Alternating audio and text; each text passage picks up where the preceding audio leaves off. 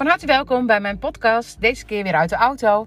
Ik ben eventjes ergens aan het wachten en ik had net een podcast geluisterd van Abraham Hicks. Die precies weer dat aangaf waar ik mee bezig was. En ehm, ik had me namelijk deze week voorgenomen om mezelf goed te beschermen tegen energieën van buitenaf. Dat is soms natuurlijk best ingewikkeld als therapeut.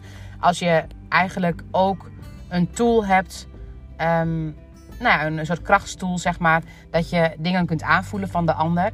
En um, hoe is het dan, hoe moet ik dan zeg maar in balans blijven bij mezelf?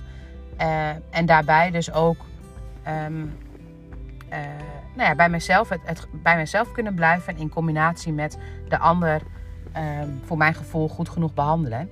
Nou, ik luisterde Abraham Hicks vanmorgen en wat werd daar aangegeven? Er was een vraag over een liefdesrelatie en hoe kan het dat ik steeds niet de liefdesrelatie aan heb, zeg maar, die ik graag zou willen. Nou, dat werd helemaal uitgeplozen, zoals altijd bij Abraham Hicks. En wat daar een grote kern in was, is dat jij datgene aantrekt wat jij jezelf ook kunt geven. Dus op het moment dat jij jezelf geen liefde zult geven of kunt geven, dan zul je ook iemand als partner kiezen of als vriendin kiezen die dat ook niet kan. Want uiteindelijk, zeg maar, geef jij gewoon aan: ik ben dit waard. En dat is de trilling die je uitstraalt. En dat is ook hetgeen wat je dan aantrekt. Nou, het moment dat je aan jezelf gaat werken en dat je jezelf dingen kunt geven, dan zul je ook gaan ontdekken dat, dat je automatisch makkelijker dingen kunt gaan ontvangen. Nou, als je kijkt naar uh, alles waar je maar in je leven tegenaan loopt, dus als het gaat over vrienden, vriendinnen, um, klanten, uh, liefdesrelaties, contacten die je hebt, alles gaat erover. Je trekt aan wat jij zelf uh, trilt. Dus op het moment dat ik alleen maar leuke klanten zou willen, dan is het belangrijk dat ik mezelf helemaal leuk vind. En dat ik het mezelf ook waard vind om juist dat aan te trekken. Nou, wat ik heel erg vaak uh, doe, en daar heb ik ook, um, nu ik natuurlijk aan het detoxen ben, ben ik daar ook meer bewust van. Want ik word voor mijn gevoel steeds een beetje kwetsbaarder nu er een laagje van mij afgaat. En dat is natuurlijk zeker niet de bedoeling, want dat kwetsbaar zijn, daar ben ik wel een beetje klaar mee. Dat wil ik eigenlijk niet meer. En um, alleen zeg maar hoe ga ik mezelf dan staande houden uh, zonder mezelf weg te geven en zonder dat ik mezelf hoef te beschermen? Nou, wat ik, wat ik eigenlijk uh, mezelf, waar ik mezelf bewust van ben, is dat ik uh, mezelf niet voldoende vertrouw. Dat ik gewoon als ik mezelf ben, dat ik dan voldoende geef aan een cliënt. En wat ik dus doe, is blijkbaar heel makkelijk inpluggen bij de ander. Of inpluggen, maar in, aanvoelen. En aanvoelen wat er nodig is. En mijzelf daar dus ook naar aanpassen. Nou ja, wat zie ik dan bij mijn kinderen terug? En dat is zo grappig. Het is altijd op alle levels weer te zien. Bij mijn kinderen zie ik dus terug dat als wij visite hebben of als wij vrienden hebben, dat um, mijn kinderen zich aanpassen. Ze worden dan anders. En um, de een doet wat populairder, de andere die is echt totaal aanpassend en pleasend. En de andere die wordt ontzettend vervelend. En na afloop, als de mensen weg zijn, dan is het voor iedereen een bijna een opluchting.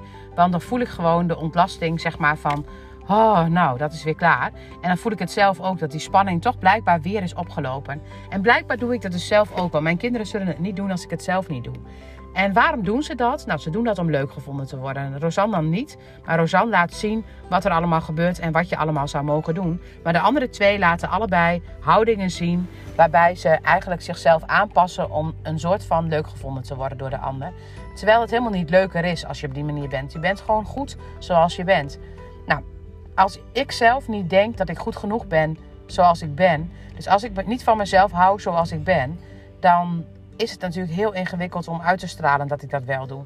En die trilling geef ik dus dan ook niet. Dus wat is belangrijk in deze situatie? Ga proberen om van jezelf te houden. Om het jezelf waar te vinden dat je gewoon oké bent zoals je bent. Want als ik oké ben zoals ik ben, dan heb ik niet de neiging om mezelf um, anders of beter voor te doen. En dan blijf ik beter bij mezelf. Als ik beter bij mezelf blijf, dan ben ik veel minder kwetsbaar. Want op het moment dat ik mijzelf um, een soort van weggeef, dan word ik heel kwetsbaar van. En dan snap ik wel dat mijn lichaam denkt: ik moet haar gaan beschermen. Dus um, de logica van hoe mijn lichaam mij helpt. En waar ik dus nu meer bewust van word, is dat ik dus eigenlijk mezelf heel erg verander. Of heel erg verander, maar dat ik mezelf wel aanpas. En dat ik probeer te voelen hoe het met de ander is. En dat ik daar ook soms zelfs nog wel, eens druk over kan maken.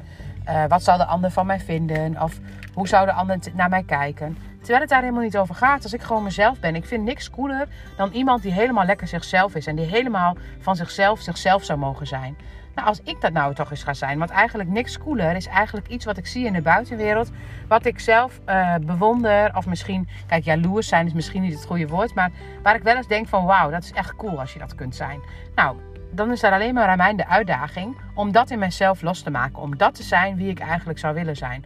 Om dat uit te stralen wat ik graag zou willen uitstralen. En op het moment dat ik dat kan doen, als ik echt mezelf durf te laten zien zoals ik ben, omdat ik mezelf waard vind en omdat ik mezelf goed genoeg vind zoals ik ben, dan zal ik gaan merken dat ik mensen in mijn omgeving aantref en die komen naar mij toe, die mij, mij goed vinden zoals ik ben, die mij nemen zoals ik ben, waar ik me niet bij hoef aan te passen, waarbij ik geen andere, ehm, andere dingen hoef te doen, waarbij ik extra lief moet zijn, iets dergelijks.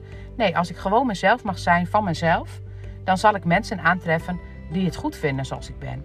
En Waarschijnlijk zal ik ook gaan zien dat mijn kinderen het goed vinden zoals ze zijn. Dat ze niet meer hun best doen om te veranderen.